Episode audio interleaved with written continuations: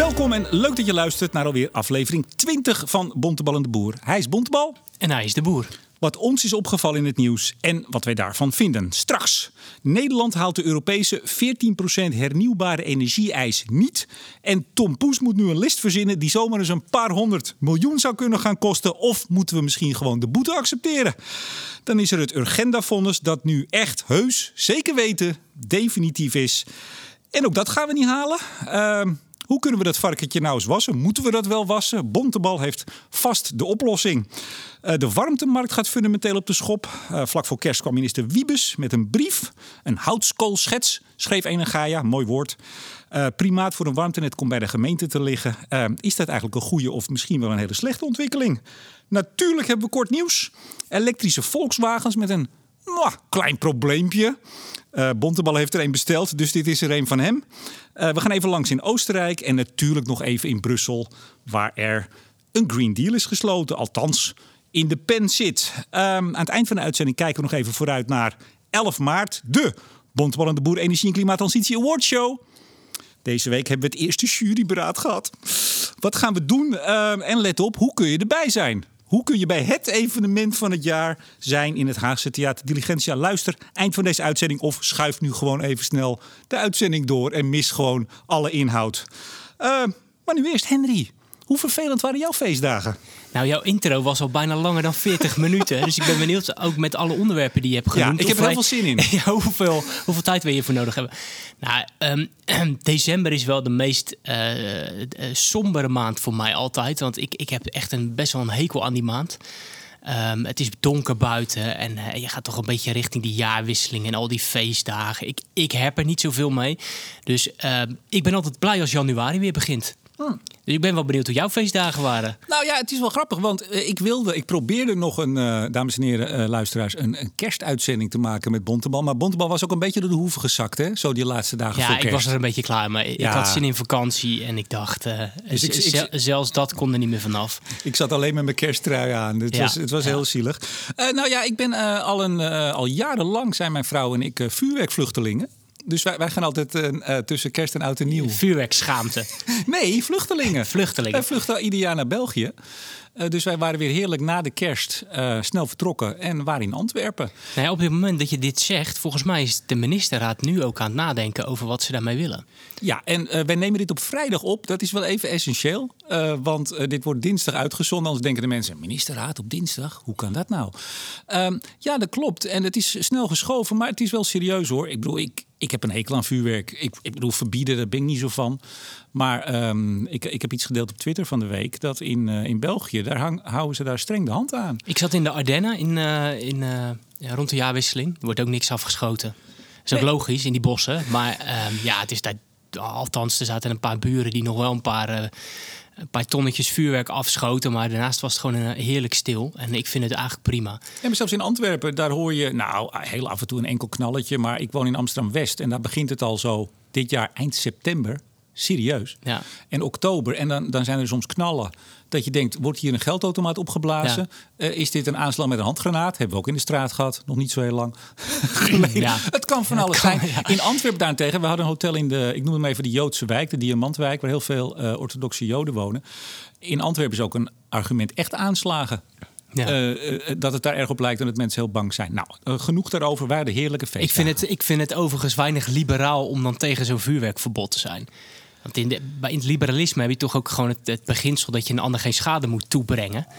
Nou, dat is denk ik volgens mij hier is dat ook echt een, uh, een serieus punt. Ja, maar dus op het moment dat, dat er gewoon uh, dingen gesloopt worden, bezittingen van een ander. En er worden blijkbaar, ja, weet je, er komen, komen kinderen en volwassenen binnen bij een oogziekenhuis, wiens oog het nooit meer zal doen. Denk ik van hoe krankzinnig wil je zijn om uh, met het argument te komen van ja, dit is een waardevolle traditie die we in, in stand willen houden. Ja, wat, wat, hoeveel, hoeveel, hoeveel ogen is die traditie ons waard, denk maar ik dan? Ik, ik begreep vanochtend, vrijdag dus, dat er al een aantal andere VVD-prominenten, ja, Bolkestein, Nelly Kroes. Ja, kwestie van tijd. En wat natuurlijk heel fijn was, en dat was volgens mij 30 december. En daar ging ik ook heel erg uh, gelukkig het nieuwe jaar mee in. Ja, dat geeft dan toch weer moed voor zo'n nieuwjaar. Ed Nijpels blijft nauw betrokken bij de uitwerking ja, van het klimaatakkoord. De vlag ging uit. Zou hij deze podcast luisteren? Ja, natuurlijk luistert hij. Ja, nee, daar luistert hij naar. Ik moet wel zeggen, Energie had een gesprek met hem en hij had het, hij had het zelf gezegd. Dus ik, ik Het was een sollicitatie. Nee, hij zegt. Nee, Energie bracht een groot bericht over die structuur. Ja, want ik, ik wil het toch heel even kort melden. Ik weet niet of je het gezien hebt. Een twaalfkoppige commissie. Gaat dat eh, helemaal in goede banen leiden? Daar zitten. Ed Nijpels zit natuurlijk aan, aan, het hoofd. Dat ja, snap je. ja, dat de klimaatpauze. Ja, nee, de- in Nederland, ja, precies. En ehm, dan komen er vijf, even kijken hoor, de vijf voorzitters van de uitvoeringsoverleggen. En we hebben vijf voorzitters van de uitvoeringsstructuren. Alle twee met een hoofdletter U. Ja. Ehm, eh, nou, Manon Jansen, Pieter van Geel, die kennen we. Jan-Jacob van Dijk Leuk. is terug. Ja, maar die, die, bleef, die, heeft, die heeft natuurlijk nog best wel lang die elektriciteitstafel eh, voorgezeten. Hè? Ook al toen die geen gedeputeerde meer was. Ja, maar hij zit in het onderwijs. Ik heb hem nog in de, in de uitzending gehad. Ja, en hij ja. was toch een beetje weg uit de energie. Maar Ja. eh, weer helemaal terug. Ja, maar En goe- wat- goede kerel. Ja, absoluut. En dan komt er nog een hoge ambtenaar. Wat gaan ze doen? Toch even hoor, dames en heren. Besteden aandacht gaan ze aan de cross-sectorale onderwerpen. Uiteraard. Onder andere infrastructuur. Vond ik leuk. Want Ed heeft in het, eh, de borgingscommissie, borgingscommissie voor het energieakkoord... zat ook infrastructuur. De leidingjes in de grond. Is niet helemaal gelukt. Eh, gaf ook helemaal geen signalen af. Er dat zijn het heel goed veel ging. leidingjes de grond in gegaan, meneer de Boer. Ja, nou, Voor maar, heel maar- veel geld. Maar toch net te Ga de weinig. jaarverslagen van de netbeheerders maar eens lezen. Ja, zeker. Tuurlijk. Ze gaan eh, knelpunten signaleren. Nou goed, anyway. Ed is weer onder de pannen. Dus we kunnen... eh, Ik vond het een goed Die is bericht. van de straat. Ja, dat is voor iedereen goed nieuws. Het hele, het hele jaar weer goed. Goed, aan de slag. We, we hebben een paar dingen. Die warmte, die warmte aanpak, Ja. daar wil jij het heel graag over hebben. Een beetje saai. Zullen we ermee dus beginnen het- of zullen we ermee eindigen? Nou, laten we er maar mee beginnen. Dus, Ja? De- de- de- dus dan bewaren het best een beetje voor het Heel laatst. veel mensen weer over de zeik dat ik zei dat het saai is. Nee, dat is natuurlijk helemaal niet saai. Nou ja, maar in, heel vaak in, in de saaie brieven staan toch de leuke details, de interessante ontwikkelingen. Ja, Wiebes kwam eh, voor de kerst nog met een brief, een soort warmtebrief. Waar lang op werd gewacht. Waar lang op werd. Ja. Vol verwachting. Vol klopte jouw hart. Zeker. En eh, het gaat fundamenteel op de schop. Eh, de, Ja. de gemeentes krijgen het primaat als het gaat over warmtenetten. Niet meer dan anders gaat weg. Kosten kunnen gedifferentieerd worden. Oftewel, je kan in Overijssel anders, iets Ja. anders betalen dan in, eh, in Rotterdam. Nou, wat, eh, hoe, hoe, hoe keek jij daarnaar? Nou ja, iedereen snapte dat als je in een klimaatakkoord opschrijft dat je eh, ja, veel met warmtenetten wil gaan doen. Dus dat als je in een proces naar het klimaatneutraal maken van de gebouwde omgeving, dat je dan eh, nou, woningen van het aardgas moet afhalen. Let op aardgas. Eh, en dat die dus op warmte moeten of op iets anders, op duurzame gassen of op eh, elektriciteit. Nou, ehm, ehm, voor warmtenet is gewoon heel groot. eh, ja, dat stuk van de taart is vrij fors. Hè? Dus we verwachten dat met name in de steden veel woningen op warmtenetten in die end moeten zitten. Nou, dat komt op dit moment met het huidige tempo natuurlijk helemaal niet los. Dus, dus daar moet gewoon iets gebeuren. Dus je moet die warmtemarkt moet je echt anders inrichten. Prikkels die niet goed liggen moet je weghalen. Je moet de consument veel beter beschermen. Dus ik zie deze brief als een eerste stap om, om, om die richting op te gaan. Het heeft echt nog wel denk ik heel veel voeten in de aarde voordat het eh, allemaal zo is en Vandaar uitgewerkt is. Ja, nou ja, maar de, de richting is belangrijk. Hè. Er zitten een paar dingen in. Ehm, is natuurlijk ehm, een belangrijk onderscheid wordt gemaakt eigenlijk tussen elektriciteitsgas aan de ene kant en warmte aan de andere kant. Dus een belangrijk punt in, dit, eh, in deze brief is ook dat er geconstateerd wordt is dat, het, dat je een warmtenet als een integraal verhaal moet bekijken. Dus dat je zeg maar, het idee van meerdere leveranciers op zo'n net en een open net, ja, dat is natuurlijk wel eens geprobeerd. Maar eigenlijk zegt EZK, dat is niet de route waar wij nu Wat wordt de route wel? Een geïntegreerd warmtenet met één partij. Ehm, Die, maar wordt, die wordt aangewezen. Niet, niet aanbesteed wordt die, maar aangewezen door de gemeente. Ja, er staat dat er een soort eh, eh, procedure komt. Maar volgens mij kan de aanbesteding daar nog steeds een onderdeel van zijn. Dus, Oké. eh, ehm, maar wat, wat er gebeurt is dat de gemeentes die kan een kavel eh, vaststellen. Dus die zegt bijvoorbeeld, nou, wijk A, B, C, D, dat noemen wij één kavel. Die doen daar natuurlijk allerlei studies. En die zeggen, nou, als wij, als wij verschillende studies laten uitvoeren... dan is warmte hier de meest kansrijke optie. Eh, die wijken zijn ook het meest geschikt om misschien nu te beginnen... omdat er toevallig toch al gerenoveerd wordt enzovoorts. Ehm, en dan kan er een warmtebedrijf worden aangewezen om op dat kavel wat te gaan doen. Dus die komt met een prijs. Nou, en het verschil is, wat jij net ook al zei, is dat ehm, ehm, ehm, dat de prijzen die, of de, de tarieven die zij in rekening mogen brengen, dat die niet meer inderdaad gebaseerd zijn op een soort referentie aan de gasprijs. Dus als de gasprijs maar blijft stijgen, dan kunnen die, die warmteleveranciers steeds meer blijven vragen. Maar er wordt gewoon gekeken naar eh, eigenlijk het rendement en de, en de kostprijs eh, van zo'n eh, warmtenet. En dan krijgen we dus in Nederland straks dat je, wat ik al zei, ergens in Overijssel Ja. een heel andere prijs betaalt Precies. dan in Rotterdam. Nou, Ja. dit is Nederland. ja, Dan dus- weet je het wel. Nou, dat kan. En, daar Nee, zit, ik bedoel Den Haag, Tweede Kamer. Maar daar zit altijd, er zit altijd regulering van de, uit, de autoriteit consumentenmarkt bovenop. Dus dat moet ook vormgegeven worden. En in deze brief staat ook heel duidelijk dat, dat, ehm, ja, dat de consumentenbescherming nog steeds een heel groot issue is. En dat ze dat juist steviger willen maken. Ja, maar Dus- jij ziet toch wel al de kop in de Telegraaf... dat het toch een schande is dat mevrouw eh, Pietersen uit, eh, uit Assen... eh, ineens twee keer zoveel betaalt als eh, iemand anders. En dat het toch een schande is dat er ongelijkheid bestaat. zie je dat niet aankomen? Ik zie dat wel. Ehm, ja, maar er zullen ook eh, misschien klanten zijn die minder gaan betalen. Omdat bepaalde warmtenetten misschien te hoge rendementen hebben Ja, maar gemaakt. dat gaat het nieuws niet halen dan, hoor. Ja, daar zorgen wij dan wel voor. Via Bontebal en de Boer. Nee, dus, dus die, die verschillen. Maar de, goed, dat, ik, dat is een consequentie van het feit dat je het zo, eigenlijk zo decentraliseert. Ehm, eh, dus ik, ik ben ook heel benieuwd wat daar, wat daar gaat gebeuren. Er zal natuurlijk iets van de cap op moeten zitten. Want je kunt ook weer niet zeggen van, nou ja, ehm, ehm, de- het kan zomaar elke prijs zijn. Dus er zal natuurlijk in de beleidsvorming door partijen wel degelijk gekeken worden naar een soort van niet meer dan anders principe. Ze zullen natuurlijk in de studies heus wel kijken van... oké, als we hier een warmtenet net neerleggen... dan is dat even duur, duurder of goedkoper voor de bewoners. En uiteindelijk moet de politiek Ja. daar dan ook wat van vinden. Gaan we hier niet een beetje naar het Deense model? Ehm, er is wel naar gekeken volgens mij, maar de, niet, want daar zit er toch veel meer het idee van open netten. Maar ze zijn daar ook veel en veel verder dan hier. Dus eh, men heeft denk ik hier gekozen voor een, toch een soort ingroei. eh, eh, pad van laten we eerst dit maar eens recht eh, zetten. Gaan we eerst maar eens gewoon eh, geïntegreerde warmtenetten neer, neerleggen. En als het allemaal werkt, dan kan je misschien op termijn, als, het, als de aantallen veel groter zijn, dan zou je misschien kunnen gaan experimenteren met meerdere leveranciers op zo'n op zo'n net. Ja, maar ik dacht dat in Denemarken... we hebben toen voor, voor Energia heb ik zo'n avond mogen presenteren. Dat was ook een van de Ja, er zitten meerdere leveranciers op zo'n warmtenet. Wa- In Denemarken? Ja, Ja, Maar niet altijd, toch? niet altijd, maar dat, dat kan daar wel. Oké. Ja. Maar, is dit, maar er zitten nog een paar andere dingen. Hè? Dus, dus ehm, ehm, in die warmtebrief. Ehm, Oh, oh jee, dames en heren, hij kijkt op zijn scherm. nou ja, dus het dat gaat is- nog even duren. Nee, nee, nee, het gaat helemaal niet lang duren. Dat is natuurlijk van. eh, dus je zit altijd met dat soort projecten. Want je, je moet je natuurlijk afvragen: waarom zijn die warmteprojecten nu niet van de grond al gekomen? Nou, dat heeft gewoon met kostprijs te maken. En met, maar ook met bijvoorbeeld allerlei risico's die er nu in dat soort projecten zitten. Dus gewoon bijvoorbeeld vollooprisico's. Dus je kunt Sorry, ergens. wat? Nou, vollooprisico's. Je kunt bijvoorbeeld in een. eh, ja, niet dat het warmtenet volloopt, maar op een andere manier dat er niet genoeg aansluitingen zijn. Dus op het moment dat jij ergens een warmtenet in een wijk neerlegt en eh, er is niet duidelijk hoe snel klanten aansluiten en er zijn ook geen verplichtingen daartoe, ja, dan is, zit er natuurlijk een enorm groot risico voor een. Maar dat, maar dat was nou juist ook in de brief dat er komt geen afnameplicht. Je kan opt-out. Je hoeft niet mee te doen. Ja, maar er, komen, er, er wordt natuurlijk wel voor een wijk wordt er een energiesysteem gekozen. En dat is dan het energiesysteem van de toekomst. En eh, de opt-out zal, zal hem er dan in zitten, vermoed ik. Dat je bijvoorbeeld niet per se op warmte hoeft. eh, en dan bijvoorbeeld een warmtepomp gaat ophangen. Maar daar zitten natuurlijk ook eh, kosten aan. Ik verwacht niet dat ze zeggen van nou, je mag ook gewoon op het gasnet blijven zitten. Nee, want dat hebben jullie er dan al uitgetrokken. Ja, dat ligt aan hoe we dat organiseren. Maar bijvoorbeeld als, als ik zeg... eh, Maar dat betekent dus wel dus dat door, die, door, die, door die, dat soort risico's weg te nemen, dat je dit soort projecten beter kunt aanjagen. Maar hoe neem je zo'n risico weg? Want kijk, als, als één iemand, als ik zeg, nou, ik wil lekker gewoon eh, elektrisch. Ja. Ik doe niet mee, nou, dan slaan ze mijn deurtje over. Maar als de hele straat dat zegt, en nog een straat zegt het, dan heb je een probleem. Ja, maar de vraag is of dat slecht is. Hè? Want op het moment dus dat voor klanten eh, het een hele goede optie blijkt te zijn om toch te elektrificeren, dan is dat aanbod van warmte ook niet goed genoeg. Zou ik zeggen. Dus, dus ehm, je moet het zo aantrekkelijk maken dat die klant natuurlijk zegt: van ja, weet je, eh, je doet me een goed bod.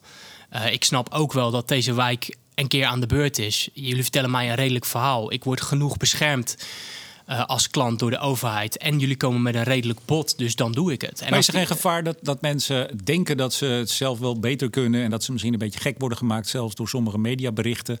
en dat ze dus iets kiezen wat helemaal niet een beter bod is... wat Ja. lijkt een beter bod. Maar ik denk zelf dat de, zeg maar, ehm, het risico dat je zegt... u moet hier verplichte winkelnering...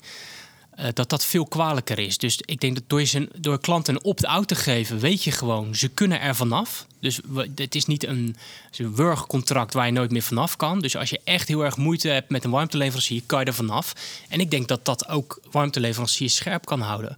Dus ik, ik vind het een, eigenlijk een, goe- een goede... Een goede eh, eh, maatregel. En ik denk dat die van beide kanten goed is. Het houdt de leveranciers scherp en het geeft ook een stuk uh, ja, zekerheid voor die consument. Kijk even op je scherm. Heb je al je belangrijkste punten nou gemaakt? ja, belangrijk punt is denk ik ook. En dat is, uh, en dan hou ik op hoor, meneer de Boer. Ja.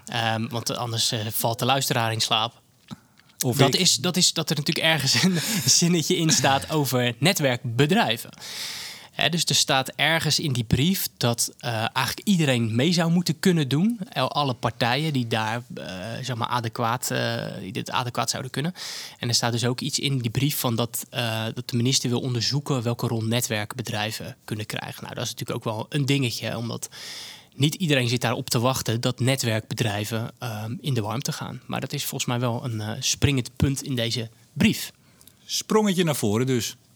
Ja, Hè? Nou ja, en, veel en- uitgewerkt worden. Er zal nog heel veel. Precies. eh, want er komt een, een internetconsultatie. En dan gaan natuurlijk allerlei opinies en brieven en, en Ja. pleitnota's van allerlei partijen de komende Maar jij maanden. weet ook, als deze route, er komt niet opeens een hele andere route uit. Ehm, eh, en ik denk ook van, ja, weet je, het is ook een, een beetje een onzekere markt. We weten ook niet precies hoe het allemaal gaat lopen. En de koek is ook zo groot. Weet je, er moeten, als je naar de cijfers kijkt, er moeten zoveel woningen op een warmtenet. Tempo ligt op dit moment nog, nog lang niet in de buurt van wat nodig is. Dus die koek is ook vrij groot. Dus het is ook niet gek dat je, denk ik, allerlei partijen ja, in deze markt die echt nog niet rijp is, om die, om die een kans eh, te geven. Dus ook netwerkbedrijven. Kort nieuws. Wij eh, hebben altijd even overlegd de dag ervoor. En dan stuur jij meestal wat onderwerpen mijn kant op. En ik heb dan ook wat onderwerpen. En eh 9 van de 10 keer heb jij iets over elektrische auto's. En dan zeg ik, oh, dan gaan we weer met elektrische auto's. Ik dacht, laten we hem nu een keertje doen. Want jij hebt een Volkswagen besteld, elektrisch. Gereserveerd. Pardon, Ja, gereserveerd. ik wil even- Ehm, nou had jij twee berichten mij gestuurd gisteren. Pardon. Eh, Volkswagen doet er een tandje bij, schrijf je. Ze willen wereldmarktleider worden. Ik zou bijna zeggen, wie niet tegenwoordig. Hè? Maar er was ook een berichtje bij. Eh, en dat staat tussen aanhalingstekens. Het was volgens mij een gerucht. Eh Autovisie bracht het eh, Ja. voor de kerst. Volkswagen ID3 kampt met gigantisch, gigantisch softwareprobleem. Ja. Wat is er aan de hand, Bontebal? Ja, dat weet ik dus ook niet precies. Maar ik vond het wel een mooi verhaal. Vooral dat zinnetje in het bericht dat ze al 10.000 parkeerplaatsen hadden. Waar ze de eerste 10.000 auto's konden neerzetten. Er is dus, dus blijkbaar een soort softwareprobleem volgens dat bericht, voor dat gerucht. Ehm, Nou, maar Autovisie, goede bronnen, hè? Ja, nee, Ja. nee, ze zeggen dus, dus nou, die- die zo'n zo'n zo'n zo'n zo'n auto heeft natuurlijk heel veel software. En eh, eh, nou ja, dat moet ook weer het paradepaardje zijn van de Volkswagen. Want Volkswagen wil die software ook eh, verkopen, net zoals dat platform aan andere automerken. Dus het zou zomaar in de toekomst kunnen zijn dat als je, weet ik veel, een Ford rijdt, dat je dan toevallig eigenlijk gewoon ook een beetje in een Volkswagen rijdt. Dit is even voor- voor de goede orde. Dit is geen Schumel software. Dit is Nee, niet dat er, nee, dat er een bepaalde setting Nee, kan laten worden we dat de wereld niet in. Het zou het kunnen worden, maar... Tuurlijk. Ja, nee, ja, alleen heeft een elektrische auto geen uitstoot. Dus nou ja, daar zou je het niet mee kunnen sjoemelen. Niet uit de uitlaattijd. Niet want uit de. Maar er is nog nee. wel. Nou, laten we Daar niet gaan we over. niet. Maar ik vond een het- zinnetje. Nee, wacht even. Ik vond een zinnetje heel mooi. Inderdaad, die, die eh, gehuurde parkeerplaatsen. 10.000 gehuurde parkeerplaatsen waar ze dan komen te staan. Maar een, een nog mooier zinnetje vond ik. Ehm, daar wachten ze, die auto's, op een software-update. Die werknemers, let op, dames en heren, met de hand moeten installeren. Deze speciale teams met laptops. Ja. zullen pas in de lente van volgend jaar, dit jaar dus, de eerste 10.000 auto's afgaan. Dus er gaan mannetjes, vrouwtjes, met een laptopje. Autootje, Ja. sleuteltje open en dan eh, een kabeltje eraan. Dan gaan ze wel de volgende 10.000 die gaan via over-the-air update, Ja. dus door de lucht. Waarom Ja. dan die eerste 10.000 niet? Dat is een, een groot raadsel. Ik ben heel benieuwd eh, welke jij krijgt. Ja, ik hoop in de tweede lichting van de 10.000. Dat ze in ieder geval met mijn auto kunnen communiceren, ook op afstand. Ik, ik zag pas wat berichten. Dus dat, dat bijvoorbeeld als je eh, een Tesla hebt, dat het gewoon eh, zeer regelmatig gebeurt. Hè? Dus mensen die kijken dan even van hoe vaak wordt mijn Tesla eigenlijk geüpdate. Het is natuurlijk een soort rijdende computer. Ja. ja, dat gebeurt gewoon best wel vaak. Dus niet één keer per jaar, maar gewoon meerdere keren per jaar. Het wordt er net zoals bij eh, eigenlijk je Apple iPhone. we mogen hier geen reclame maken in deze podcast. Maar, Van mij wel, hoor. Oké, daar gebeurt dat dus ook. Dus, dus, dus dat soort software-updates, dat, dat is best wel gewoon. Ehm, eh, maar ja, weet je, het is ook denk ik ook gewoon... Ja, een, een- een Volkswagen bouwt een nieuwe auto. Daar horen kinderziektes bij. En dit is er eentje. Ja, wel ja. Dus, eh, en ik denk niet dat... dat, dat eh, ik, ik had het minder fraai gevonden als ze al op de weg hadden gereden... en dan pas had je dat gehoord. Ja, dus dat het is gewoon, mannetje met een laptop achteraan komt rennen. ja, met een Ja. andere Volkswagen diesel Passat. Over updates gesproken, de Oostenrijkse politiek. Zou je Ja, ook een soort van update kunnen noemen? Een, een ja. conservatief of rechts-groene coalitie. En er wordt eh, eh, alom gespeculeerd. Zou dit een voorbeeld kunnen worden voor andere Europese landen? Ja. Komt er straks, Pontebal, een, een Klaver-Baudet-kabinet? Ja. Ehm, Poeh, dat denk ik niet. Ehm, wat interessant is aan die coalitie... Zie nou toch eens mogelijkheden. Ik zie zeker mogelijkheden, maar niet aan die extreme zou ik zeggen. Nou ja, maar onze Oostenrijkse vrienden, de, de EVP... Uh, met, met groen. Dat, uh, ik wil niet zeggen, ik wil ze niet met Baudet en. Nee, ik denk uh, ook dat je die partijen maar... niet zomaar kan vergelijken. Um, wat interessant is, hè, is, is gewoon met name vind ik de inhoudelijke combi. Hè. Dus nog geen eens zozeer welke partijen doen het, maar de inhoudelijke combi van zo'n programma. Dus als je naar het programma kijkt, dan staat er zowel in: dit land moet klimaatneutraal zijn in, in 2040. Dus, dus eigenlijk tien jaar voordat de, Europese, zeg maar, voordat de Europese Unie dat wil. In 2030 moet alle elektriciteit uit hernieuwbare bronnen komen. En tegelijkertijd staat er verderop ook in dat alle kinderen tot 14 jaar zonder hoofddoek in de klas moeten zitten. Dus um, je ziet dus in één programma verschillende smaken uit verschillende, nou ik zou bijna zo zeggen, soort scholen, zie je in één programma terechtkomen. De vraag is natuurlijk, is dit een voorbode voor uh, iets wat we vaker in Europa gaan zien? Ik denk van wel. Ik denk, ik denk dus dat het, uh, en daar hebben we het al wel vaker over gehad, en ik denk dat ik daar iets optimistischer ben uh, dan jij. Um, maar ik denk dat, dat, dat um, ja, die, die, die, die, die verschillende scholen, dat, dat, toch, dat, die, dat, die, dat, die, dat die denkbeelden toch veel meer bij elkaar gaan komen. Je zat, volgens mij is het ook in Denemarken, als ik het goed heb, dat je dan best wel um, ja, een, een, een linkse uh, coalitie, de linkse partij, die dus heel fors op verduurzaming, maar ook best wel scherp is op immigratie. Ja, waar, vlu waar, vluchtelingen geloof ik wel wat van hun juwelen moesten afgeven als het land in kwam ja, om nou, hun dat, eigen ja, kosten te betalen. Dat ja, was het precies, dat soort dingen. Nou, maar ik denk wel. Um, um, ik, ik denk serieus dat daar een gat zit, een electoraal gat. Dus, dus, dus ik denk dat ik, ik spreek best wel wat mensen die zeggen dat, dat, dat er eens een keer een partij moet zijn, of een coalitie, die, die streng immigratiebeleid koppelt ook aan gewoon stevig klimaatbeleid. Nou, en dat is uh, not done als je nu kijkt naar de verschillende ideologieën. Ja, maar, maar toch, in de toch toekomst even, gaat dat denk ik wel gebeuren. Toch even, Henry, dat betekent dus dat uh, het gaat niet zozeer om dat ze, dat ze twee dingen bij elkaar brengen. Het gaat erom dat het twee zaken zijn die de andere partij totaal niet ziet zitten. Dat, en dus dan een, een oogje dicht doen. Dus, nou, weet je, pakken wij migratie? Gaan wij, ons lekker, gaan wij lekker helemaal los? Ja, maar dat en doe je niet. En de ander pak klimaat en die gaat daar lekker los. Ja, maar dat doe je dus niet als je het er niet helemaal mee eens bent. Dus, dus als je het echt niet wil, dan doe je dat dus niet. Um, dus dus nou, daar zit dat bij die ik, nee, dat kun nee, je zo niet denk, zeggen. Nou, ik denk dat een GroenLinks zo'n uh, op dit moment in Nederland zo'n akkoord nooit had durven sluiten. Dus ik denk dat die, de, de Groenen daar, dat die, dat die er anders in zitten dan uh, hier. Maar hoe bedoel je dat zij nou ook wel eigenlijk stiekem dat migratiebeleid van hun coalitiepartij eigenlijk ook steunen? Of eigenlijk nee, helemaal maar niet? ze zijn wel bereid daar concessies op te doen. En op sommige dingen zijn partijen natuurlijk bereid niet concessies te doen. Maar zijn de details al bekend? Ja, ja, je kunt het coalitieprogramma kun je gewoon uh, lezen. Nee, maar die, dit is helemaal bekend. Ja. Oké. Okay.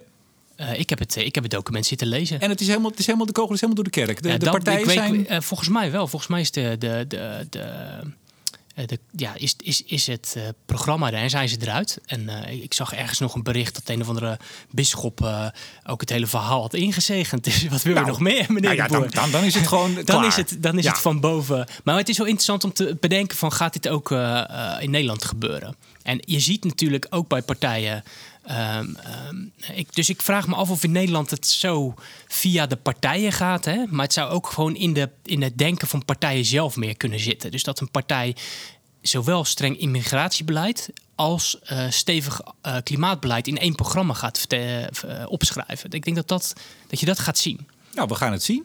Ja, we kunnen nog een uur over door, maar dit is dus gewoon maar afwachten. Ja, het wil ik zijn. Maar het, het, gaat sneller dan, dan je denkt. Want in uh, 2021 zijn de verkiezingen. Dus uh, over een paar maanden gaat er al aan programma's geschreven worden. Ben jij uh, betrokken? Daar CDA? kan ik geen mededelingen over doen, meneer de Boer. Oh nee, is dat zo? gaat dat zo? Ja, wat bedoel je met betrokken? Nou, wordt er af en toe een appje of een telefoontje of een mailtje zo van... Ik heb, regelmatig, nog even... ik heb regelmatig appjes met mensen in het CDA... en praat natuurlijk vaak ook wel met allerlei mensen over klimaatbeleid ja, en energiebeleid. Even een, een, een tussenvraag. Heb, heb je al uh, posters en petjes voor je eigen campagne laten drukken? Gaan beginnen we daar over? Nee, ik had eigenlijk gedacht dat jij uh, campagneleider zou worden, dus dat jij dat zou gaan regelen. Oh, nou ja, als jij dat wil, als jij mij hierbij openlijk vraagt om campagneleider te worden van de campagne Help Henry de Kamer in. Ja, dan wil ik wel elke week een uur een interview. Ja, dat is goed. Gaan we doen. Ik ga er even over denken. Zullen we het zo doen? Ja, we gaan naar het volgende onderwerp. Um, ja, dat was ineens van de week. Uh, dus vorige week als mensen dit horen. nou ja, toch best wel, nou niet groot, ja, wel groot nieuws. Nederland, uh, ik vond de kop wel leuk, moet zijn groene energiedoelen gaan inkopen. Dat was misschien niet helemaal de beste kop. Of is van Energia. Nou, dan is het een goede kop. Dan moet het goed, dan moet het dan goed moet zijn. het goed. Uh, we halen de 14% niet. Dat weten we eigenlijk al vanaf 2013. Want we zijn in de ramingen van PBL geloof ik nooit boven de 12, nog wat uitgekomen. Nee. En hoe dichter het jaar dicht, dichterbij kwam, hoe lager het doel werd ingeschat door het PBL. Ja, en uh, zelfs Ed Nijpels met de borgingscommissie, die vier stond voor de 14% Dat gingen we absoluut halen. Ach, ik heb het hem vaak horen zeggen. Zel zelfs Ed heeft er niet voor kunnen zorgen dat we het gaan halen. Dus we moeten wat. En uh, dat betekent dat we de overschotten, althans de landen die al door hun doelstelling van Brussel heen zijn, die het al lang gehaald hebben. Bijvoorbeeld door heel veel biomassa in de oven te gooien. Uh, dat we hun uh, wat geld geven. En dan mogen wij een deel van hun uh, overhalen van de doelen. Dat is niet het goede woord, maar je begrijpt wat ik bedoel. Dat mogen wij dan tellen. En ja. dan zijn we er alsnog. Vinden we ervan? Nou, wat vind jij ervan? Je zou kunnen zeggen... Dit is perfect Europees klimaatbeleid. Want blijkbaar konden ze het ergens anders beter en goedkoper. En daar betalen wij gewoon voor. Dus meneer de Boer, dit, dit is, zo zou het eigenlijk moeten. Wij betalen voor projecten in het buitenland. Ja, en de vraag is alleen: uh, brengt dit 1 kilowattuur meer groene uh, energie de wereld in? Uh, nee. en dat is dan misschien ook wel het, het zwakke punt. Ja, maar je kunt ook niet zeggen van we gaan een doel neerzetten en je mag hem ook niet halen. Dus ik snap ook wel dat. Wacht even, even terug, wat zei je? Dat je een doel zet. Ja. En dat je zegt als Europese Commissie, maar als je hem niet haalt, is dat geen probleem. Nou, nou dan meen ik mij te herinneren dat iets met begrotingsregels ja. en dat we het ook moesten nou, halen. Meneer, en... meneer Timmermans heeft een interview in NSC. Zeker. Um, waarin hij ook gewoon zegt van ja, maar Nederland is altijd wel het strengste jongetje van de klas. Dus uh, ja, misschien moeten we Nederland ook maar op dit punt uh, aan haar doelen gaan houden. Ja, maar toen werd hem ook de vraag gesteld, maar met die andere doelen heeft de EU toch ook de landen niet aangehouden. Dus waarom dan deze wel? Nou, toen zei hij in de krant, um, we zullen niet het hele artikel na moeten gaan. Maar toen zei hij ook, ja, maar juist de Europese Commissie was juist van plan wat, wat scherper in dit soort dingen te gaan worden. Ja. Dus Nederland krijgt het natuurlijk nu wel op, op zijn bordje. En, en, dat zat eraan te komen, want Nederland heeft natuurlijk op de begrotingsregels altijd heel uh, uh, stoer gedaan. Richting uh, de Frankrijk en andere wat meer zuidelijke landen. Maar ja, in dit geval krijgen ze natuurlijk de deksel op de neus. Ja, maar je weet, ik ben een, een en we komen zo bij Urgenda, dus dan zal, het er nog even over gaan. Ik ben een zeer grote fan. Uh, sterker nog, ik kan me niet voorstellen dat je eigenlijk het niet Europees oplost. Dat we dat allemaal maar binnen de landsgrenzen doen. Dat is eigenlijk vrij belachelijk, laten we Ja. het zo maar zeggen. Maar dit is, ja, dit is een administratieve, eigenlijk Ja. nog steeds een boete. Hè? Maar Dus, dit, was, dit zat al wel heel lang in de koker hoor. Dus in, in, in, in brieven van eh, nou, de minister, onze lieve minister Kamp van een aantal jaar geleden za- zat ook in dit soort zinnetjes al wel eens. Hoe zou het met hem zijn? Hoe zou het met die man zijn? Goed. Hebben we het later gekregen. Maar die, die, ehm, eh, dit, dit was een mogelijkheid die ze altijd op de agenda hebben gehouden. Dus, dus eh, in Kamerbrieven in het verleden we- we- stond dit er ook gewoon in. Van ja, je kan dus bij andere landen eh, gaan kopen straks. Dus dit heeft altijd op de agenda gestaan. Maar het leuke is, dan kopen we dus... eh, hè, Luxemburg heeft het al gedaan in de, geloof ik, de Baltische Staten. Nou, dan koop je dus gewoon biomassa eigenlijk figuurlijk. Ja, het is een soort, bijna een soort groene certificatenhandel hè, Ja. met groene stroom. Dus consumenten denken dan dat ze groene stroom eh, hebben. Ja. Ja, het is een beetje certificatenhandel eh, in Europa. Maar dit gaat om serieus geld. Eh, We weten niet hoeveel. Ik hoorde Olaf van der Gaag, ik dacht bij BNR of bij de NOS, weet ik eigenlijk niet meer. Geloof bij alle twee was hij. Nou ja, het is een beetje wat de gekte voor Maar geeft. vraag- Loven en bieden, hè. hoe dichter je bij Ja. zit, hoe duurder het wordt. Kan wel honderden Ja. miljoenen worden. Zullen we die boete niet gewoon nemen? Ik denk dat ze een calculatie maken wat goedkoper is. Kunt we even, Brussel, kunt u even zeggen wat de boete ja, is? precies. Ja, ik denk wel dat ze, daar, dat ze daarover nadenken. Ja. Ik mag hopen dat. Ik denk dat Wopke Hoekstra vraagt. Wat staat er aan de linkerkant van het rijtje en wat staat er aan de recht- rechterkant van het rijtje? En we doen het rijtje waar onder de streep de minst rode cijfers eh, uitkomen. Nou, het is sowieso verstandig. Ja, maar wat, wat wel interessant is, is eh, eigenlijk geven we dus geld aan andere landen die meer hebben gedaan dan nodig. Of meer hebben gedaan dan afgesproken destijds. Of die meer mogelijkheden hadden om iets te Ja, doen. maar hè? nou dat punt wil ik even maken, Ja. meneer de Boer. Want destijds zijn die doelen vastgesteld op basis van de mogelijkheden die de landen hadden.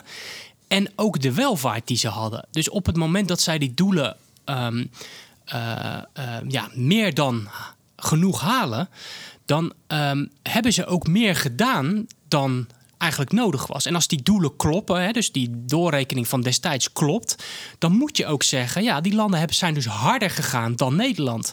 Die hebben dus meer van hun welvaart ingeleverd voor verduurzaming. En misschien is het dan ook niet eens zo gek dat Nederland eigenlijk een stukje welvaartsoverdracht doet aan die landen. En zegt, ja, bedankt dat jullie ons postje hebben gehad. Dus heel gek vind ik het eigenlijk Nee, maar dat klinkt, dat klinkt heel mooi, maar er zitten twee alsen in. Eén, als die berekening klopt, Ja. dat is geen exacte wetenschap. Nee, maar je er kan is niet wel tien naar jaar van gekeken. tevoren exacte welvaartsontwikkeling en de mogelijkheden. Nee. Want nogmaals, die Scandinavische landen en de Baltische staten, die zitten tot hun strot in de biomassa. Maar die hebben ook hele hoge doelen meegekregen.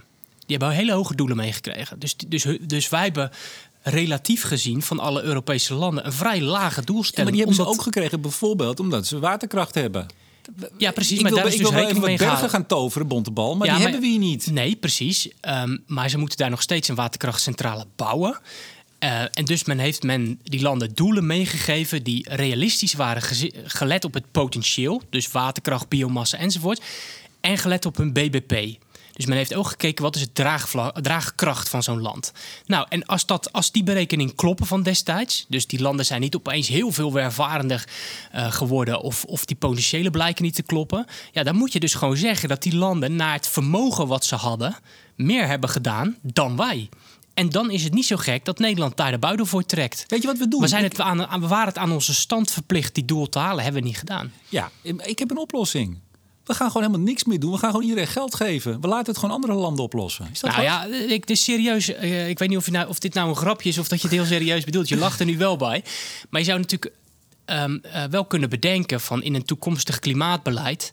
Kijk, ik ben voor een sterk Europees klimaatbeleid. Ik eh, ook. waarbij je misschien zelfs de hele subsidiëring van duurzame energiebronnen enzovoorts gewoon allemaal Europees regelt.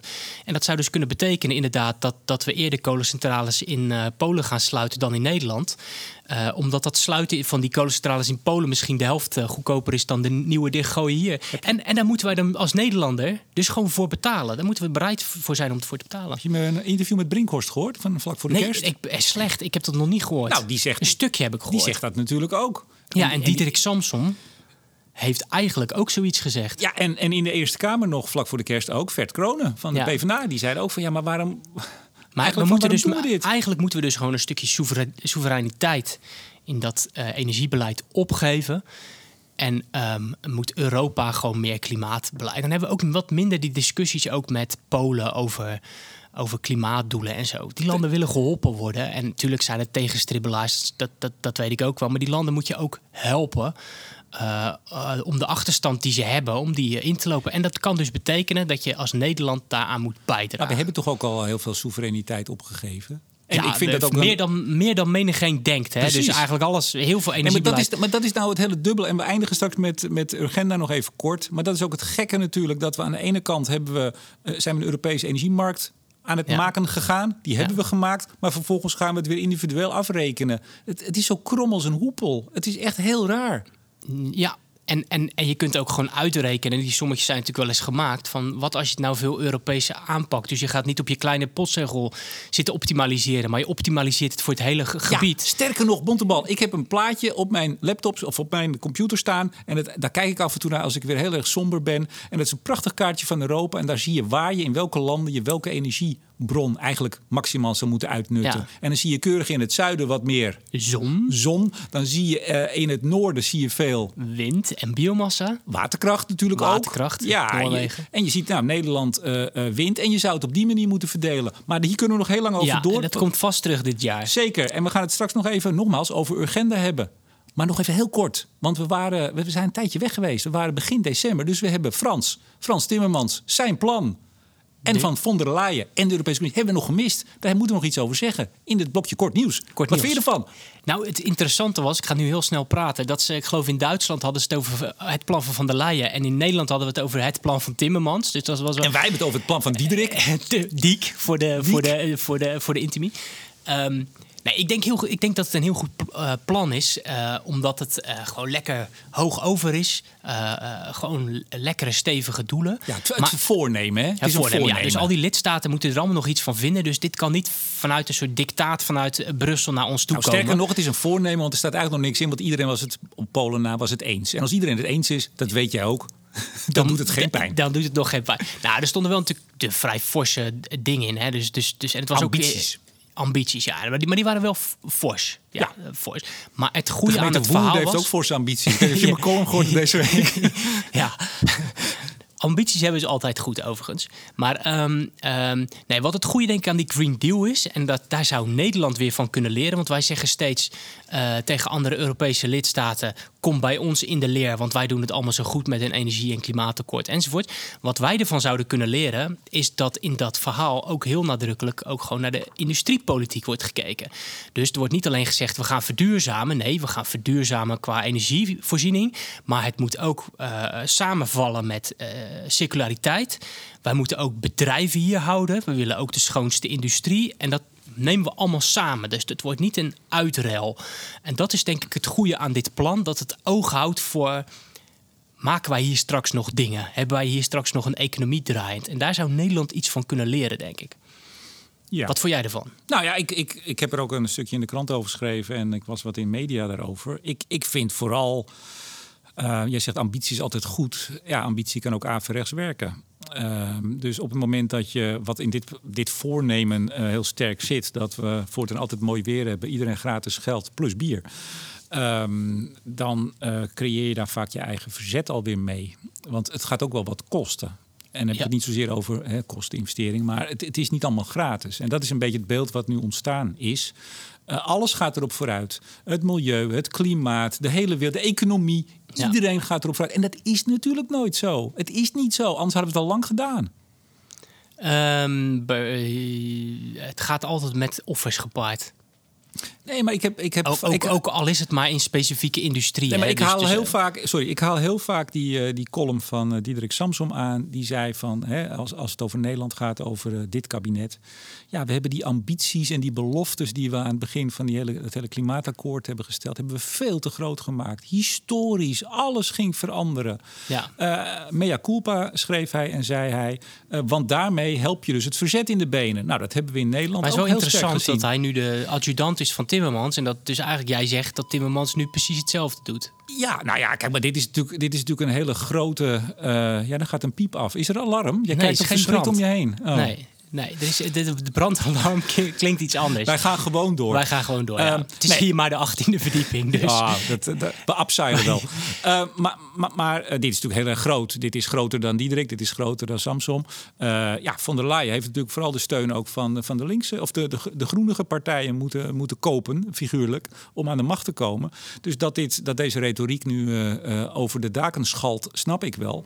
Maar ja, dat is, Ja, ik, zag het al, ik, ja, ik zag het ook als een, een hoopvolle beweging dat ehm, eh, de EVP, de Europese Volkspartij, waar ook de Christendemocraten in zitten, eh, ook wel degelijk het enorme belang zien van deze transitie.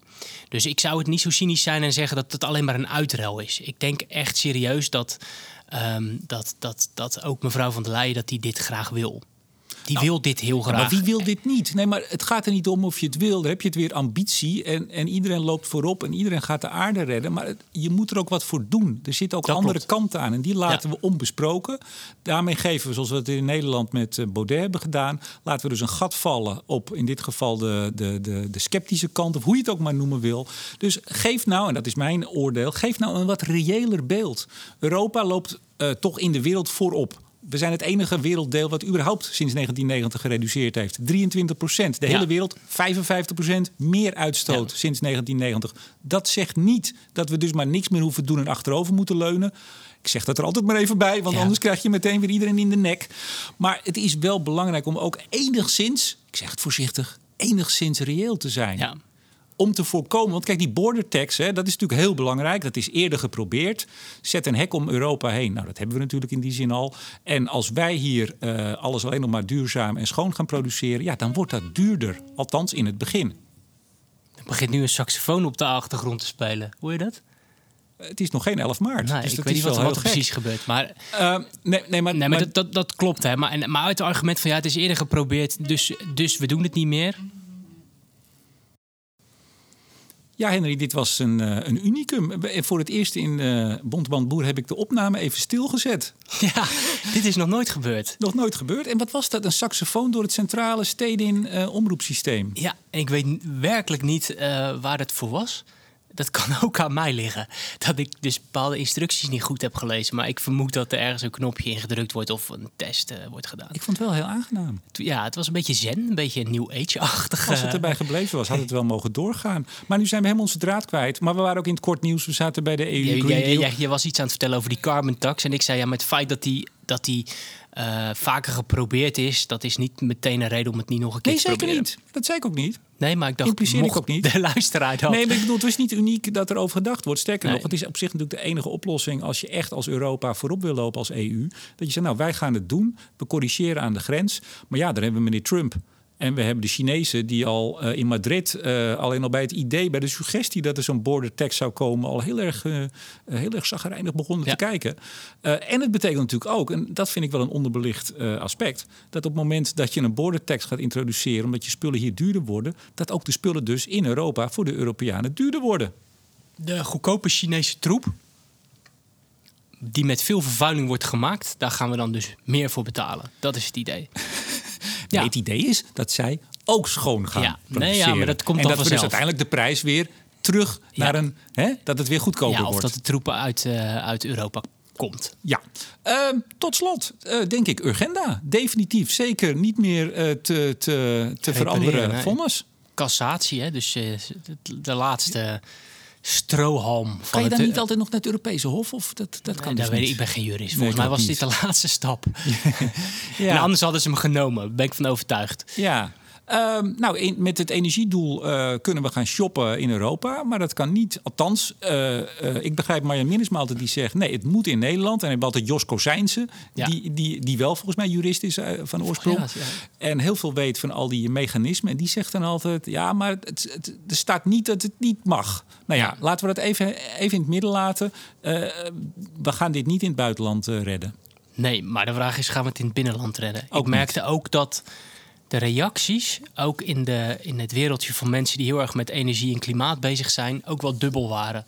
Dus natuurlijk waren er mensen die zeiden, nou, juichend, hè, dit is hartstikke goed. En goed dat Nederland, slechtste, vieste jongetje van de klas enzovoorts, dat die eh, eh, door de rechter nu eh, te pakken wordt genomen. Maar je zag ook wel heel veel stemmen van, ja, iedereen snapt, we moeten verduurzamen. Maar is dit nou de route en, en, en gaat dit niet heel veel kwaad bloed ook zetten? Een rechter die uiteindelijk dan toch bepaalt hoe het energiebeleid vormgegeven moet worden. Vind jij ook, hè? Toch? Ja, ik had liever niet. Ik had, ik had, het is gewoon niet realistisch om in 2020 dat nog te halen. Het is heel vervelend en ik baal ervan. En ik vind het allemaal eh, ook heel jammer dat Nederland de afgelopen jaren dat allemaal niet gedaan heeft. Maar dat betekent niet dat je nu hele domme dingen moet gaan doen. En ook dingen moet gaan doen waar je straks heel veel spijt van Hey, maar wacht krijgen. even, jij zegt in 2020 is niet reëel. Dit gaat erover dat het. En dat, ik zeg even Marjan Minnesma natuurlijk na. Het vonnis is al in 2015. Klopt. Al jaren daarvoor. Ja. In 2015, ik had Diederik Samsom in de uitzending. Die zei toen, dat vond ik wel een hele eh, frappante en, en eerlijke. We hadden andere prioriteiten. Hij zei het letterlijk. ja. Als kabinet Rutte 2. Ja, en je kunt natuurlijk zeggen van ja, gaan we met een soort noodsprongen alsnog doelen halen? Of zetten we heel erg in op robuust energiebeleid? Ehm, waarbij je misschien op iets langere termijn ook die doelen gaat halen. Ehm, en dan denk ik, ja, we kunnen voor dat ene spoor kiezen. Maar ik heb toch liever eh, eh, dat robuuste energiebeleid. En ja, de vraag is dan van, heb je genoeg vertrouwen dat dat nu op poten wordt gezet?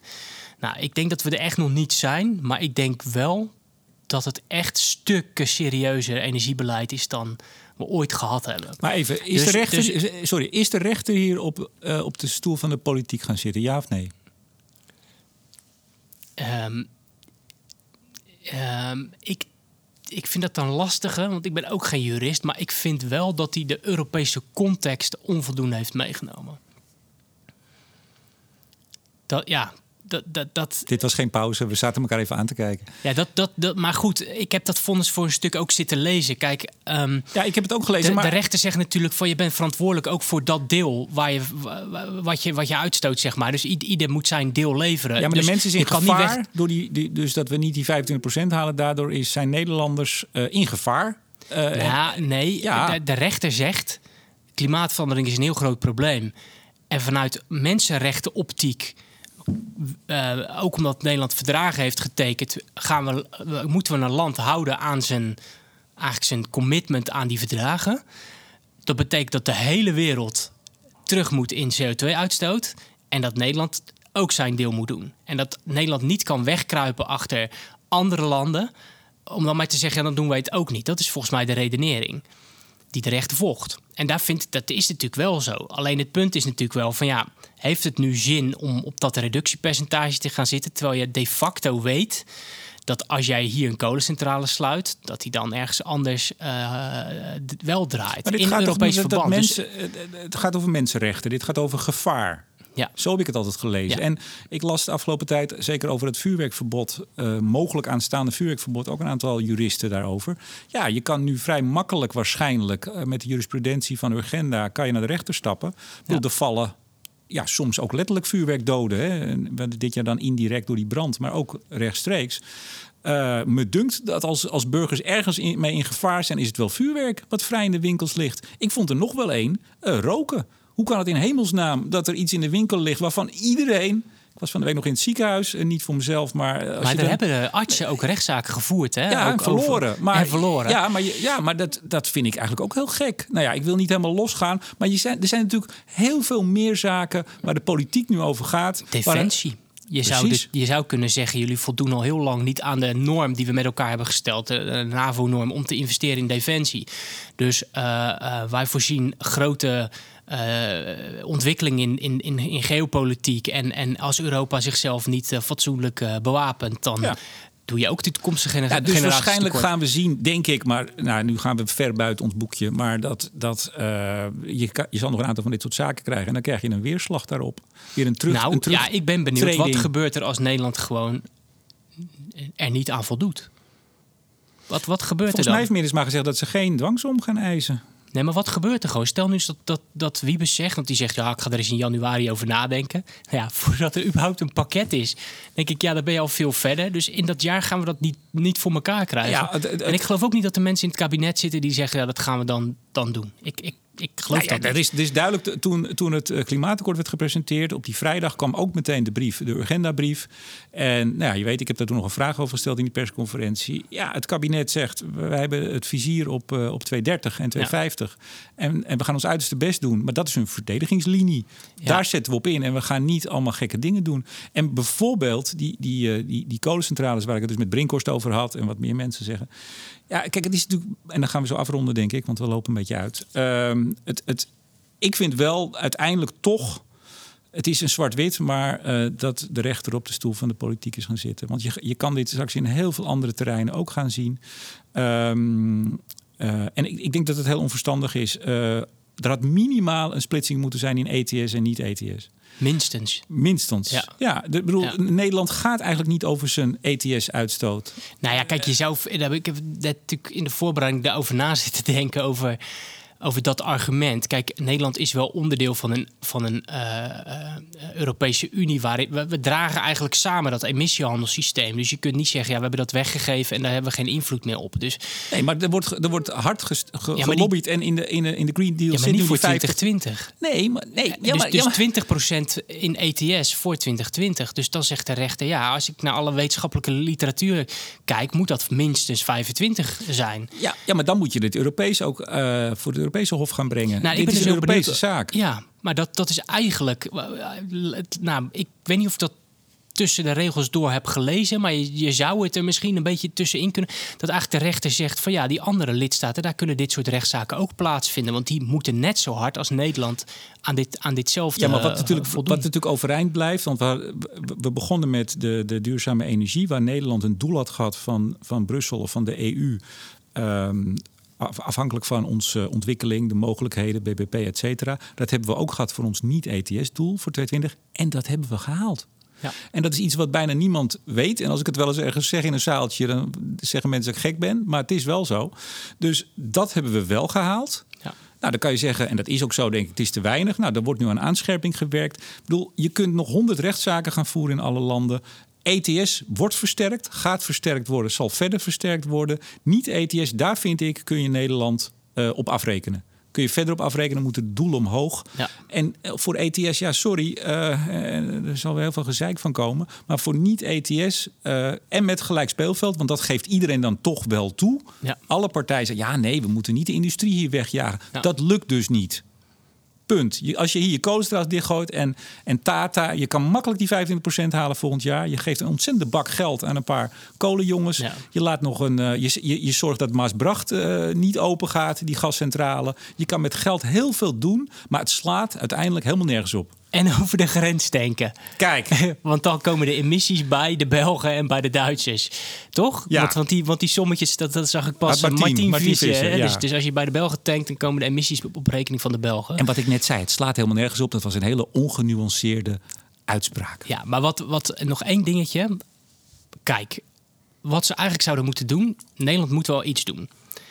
Volgens mij moet eh Wiebes gewoon zeggen: ik ga één op één bilateraal met Polen onderhandelen. En dan gaan wij hen gewoon als een vorm van ontwikkelingshulp een beetje helpen om die energievoorziening schoon te krijgen. Zou dat niet een mooie, een mooie geste zijn? Maar dat is nu wat in de Green Deal natuurlijk uiteindelijk. Dat is wat erachter zit. Dat gaat gebeuren. We gaan Europees. maar dat gaan wij nu al doen. Dan gaan wij, wij stappen gewoon nu proactief naar Polen en dan zeggen jongens, Prima. we gaan even jullie helpen. Volgende Met wat geld gaan we doen. Vooruitblik. Ehm, wij hebben deze week, als de mensen dit horen vorige week, het eerste juryoverleg Jury- gehad. juryberaad. Voor eh 11 maart. Ja. Eh, de grote De Bontebal en de Boer Energie en Klimaattransitie Awardshow. Ja. Vond jij het ook zo spannend? Ja, maar wij streven naar unanimiteit. Hè? En dat Ja. is altijd bij ons heel erg lastig. Het zou best kunnen dat wij tot 10 maart eh, overleg hebben. Ja, en dat we met twee rijtjes komen. Met, Ja. met dubbele, dubbele winnaars. Ja, ik vond het wel leuk. We, we, hebben- alles passeert de revue bij ons nu. Ja, ja. En dames en heren, dat, is best, dat kan soms best knallen. We hebben onlangs hebben wij op zaterdagavond, kan ik wel even zeggen, we gaan niet zeggen over wat of wie, maar hebben we over een boek wat we alle twee gelezen hebben, ruim een half uur zitten bellen. En dat ging er heftig aan toe. Ja, ja. Welk boek was dat, meneer de Boer? Ja, het was dat- een boek wat wij allebei nog moesten lezen. Dat doet er even niet toe. Ehm, nou, juryberaad, we zijn in volle, volle ontwikkeling. Ik zal binnenkort ook wat eerste gasten die op het podium komen om eh, wat leuks te doen eh, bekendmaken. Eh, en ik wil even melden toch eh, hoe mensen erbij kunnen zijn. Want het is een eh, prachtig theater. De Early Birds. Jazeker, Diligentia, net als waar we het vorig jaar hebben gehouden, eh, het feestje. Ehm, ja, eigenlijk net als het vorig jaar wil ik dit jaar weer mensen die hier naar luisteren, die nu deze 51 minuten en 38 seconden het al hebben volgehouden. We hadden ge gejeremieerd. Of, of naar voren hebben geschoven en dit al na één minuut hebben gehoord. Ehm, onze vaste luisteraars, daar wil ik zeker 50 kaarten voor beschikbaar stellen. We hebben natuurlijk sponsors en, en we hebben gewoon eh, allerlei mensen die, eh, die, die komen en die ook vorige keer waren. Maar ik wil ook deze keer weer zeker 50 luisteraars de kans geven om erbij te zijn. En het wordt een hele gedenkwaardige middag nu al. Ja, ja, ja. Ehm, ehm, stuur ons je, je motivatie. Eh, en het moet niet slijmerig zijn, maar gewoon even leuk. Eh, ik wil wel weten, wij willen wel weten dat het echt mensen zijn die luisteren. Ja, dus het moet wel, er moet wel in staan waarom wij zo geweldig zijn. Nee, nee, nee, nee. nee maar, maar gewoon even. En eh, ik heb vorige keer, en toen heb ik dit ook zo gedaan. En daar kreeg ik hele leuke reacties op. Ja. En nogmaals, het gaat niet om te slijmen of wat dan ook. Maar gewoon, wat, wat was je leukste uitzending? We hebben het natuurlijk over Studio Energie en of Bontebal en de Boer. Ehm, dat vond ik een hele mooie vorige keer. En er kwamen ook hele leuke mensen Ja, op af, uiteindelijk. zeker. Dus eh, het is voor de echte, de echte fans. Ja, en wanneer, vanaf nu? Mogen ze vanaf nu reageren? Eh, ja, kijk, ik hoop dat er nog niet heel veel mensen, mensen want het zit er natuurlijk nog ver van tevoren. Ja. Maar ik wil het toch nu vast in het nieuwe jaar even zeggen. Eh, en dan krijg je meestal meteen een paar die dat eh, meteen doen. Ja, nou dat is leuk toch? Ja, en eh, eerst komt, eerst maalt, zeg ik altijd. Ja. Of, of iemand moet ons niet aanstaan, dan mag je niet komen. Ja, precies. Ja. Hey, ehm, kijk jij nog ergens naar vooruit? Ehm, poeh, nou ik kijk wel aan tegen dingen op. Oh hemel. Dat is. ja, jij, jij, jij wilde graag dat ik op een podium ook piano ging spelen. Dus daar zit ik. Daar, soms doe je wel eens van die beloftes waarvan je dan later denkt: heb ik, was dat nou echt leuk of heb ik daar nu spijt van? Nou, dat kunnen we inderdaad van zeggen. Op 11 maart ga jij eh, achter een vleugel. Want ik heb Ja, gevraagd, ik wil je een piano of precies, een vleugel? Je ja. krijgt een vleugel. Ga jij eh musiceren. Er komen ook, eh, we gaan nog niet zeggen wie, Nee, maar er komen ook mensen die met jou gaan meemusiceren. als uit- alles goed gaat, hè? Als, alles goed gaat. Ja, nou ja, er zijn toezeggingen toezeggingen en eh, eh, uit de energie- en klimaatwereld. En niet de minste. Dus ja, ik, ik, ja, jij zit nu ook al te lachen. Het wordt, het wordt zo leuk weer. Uh, ja, we gaan prijzen uitreiken. grote flop. Maar dat, nee, dat nee, we. gaan prijzen uitreiken, vijf prijzen. We gaan Bontebal aan de Boer doen. We gaan Ja. natuurlijk eigenlijk ook het jaar doornemen en alle ontwikkelingen. Eh Roelof Hemme, mijn goede vriend eh, en BNR-presentator, eh, is weer eh, de anker. Ja, en we gaan Ehm, natuurlijk de verhalen horen van de mensen die een prijs krijgen. En de leuke innovaties of bedrijven of wat dan ook. Ja, maar, maar, maar kort. Kort. Ja, zoals wij alles kort doen. Nee, dat moet wel kort. Dus het is een prijs. En het is een beetje net als de Golden Globes laatst. Of de Oscars. Ja, precies. Ja, maar die, bij, bij die Oscars houden ze eh, speeches van 10 minuten over nee, klimaatverandering. Nee, nee, nee, nee, dat gaan we niet doen. Nou, ik kijk uit als, als dit online gaat. Nou, dan nog net niet. Maar vlak daarna zit ik in de trein naar België. Ik ben uitgenodigd aan de Universiteit Leuven om daar een, eh, een, eh, een lezing te houden. Maar het is eh, de, de eerste uitzending van het jaar. Heb je nog goede voornemens? Oh, ik zit net leuk te vertellen over de. Nou ja, dit is wel een Gewoon, voornemen. goede voornemens voor het jaar. Dingen die je nog wilt doen. Nou, Ga je ik wil graag wat doen? meer naar het buitenland. Ik, ik was er net aan, aan het komen. Dus België is... België. Ja, nou, ja, ik vind het heel leuk dat ze me uitnodigden. Ze presenteren daar eh, vandaag, dus als mensen dit horen... een, eh, een, beeld van hoe, eh, hoe België verder moet met energie en klimaat. Ze kijken veel naar Nederland als het gaat over de totstandkoming van het klimaatakkoord. En ik ga daar een praatje over houden hoe dat nou gegaan is... en wat daar goed aan gegaan is en wat daar misschien wel minder aan gegaan is. Dus ik ga wat meer Europa in. En... Ehm, maar vooral in 2021, ik ga dit jaar een, eh, een boek schrijven weer. Leuk. Wou je dat, dat ik dat ging zeggen? Of Nou niet? nee, maar ik ge- open, open uitnodigen om Nou, iets kijk, te ik zeggen. zeg het, ik heb enige schroom, want ik heb in 2016 na mijn vorige boek zei ik, nou, ik ga er weer een doen. En toen ben ik uiteindelijk, eh, ik moest toch wat geld verdienen, want met een boek doe je dat niet. Nee. Dus toen ben ik toch maar proberen met lezingen en zo, en uiteindelijk met de podcast eh, wat geld eh, gaan verdienen. Ehm, ik heb zoveel meegemaakt de afgelopen vier, vijf jaar, en ik wil dat te boek stellen ehm, met anekdotes, eh, met ja, leuke verhalen. Eh, natuurlijk al veel ge- geschreven in de krant. Maar het is ontzettend veel werk, jij weet dat. Eh, dus ik hoop dat het eind van het jaar af is voor eh, in de, de schoen. Of onder de kerstboom. Ja. Of het lukt, dames en heren. Ik weet dat niet. Ik ga me echt uiterste beste voor doen. Maar dat is wel, dit jaar is mijn schrijfjaar. Leuk. Benieuwd. Tot zover. Deze aflevering van Bontebal en de Boer. Hij is Bontebal. En hij is de boer. Tot de volgende keer. Dag.